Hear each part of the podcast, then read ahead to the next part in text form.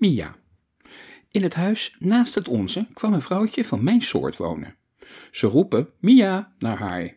Zo zal ze dus wel heten. Nu is mijn plek een stuk kleiner. Vroeger kwam ik ook bij de tweevoeters hiernaast. Het is nu duidelijk dat de tuin waar Mia's tweevoeters wonen ook van haar is. Mijn best, maar dat betekent natuurlijk ook dat zij mijn tuin en mijn tweevoeters met rust moet laten en niet over mijn dakgoot lopen en niet door mijn vrouwtje tweevoeter laten aaien. Dan blaas ik naar haar. Mia van de buren is echt stom.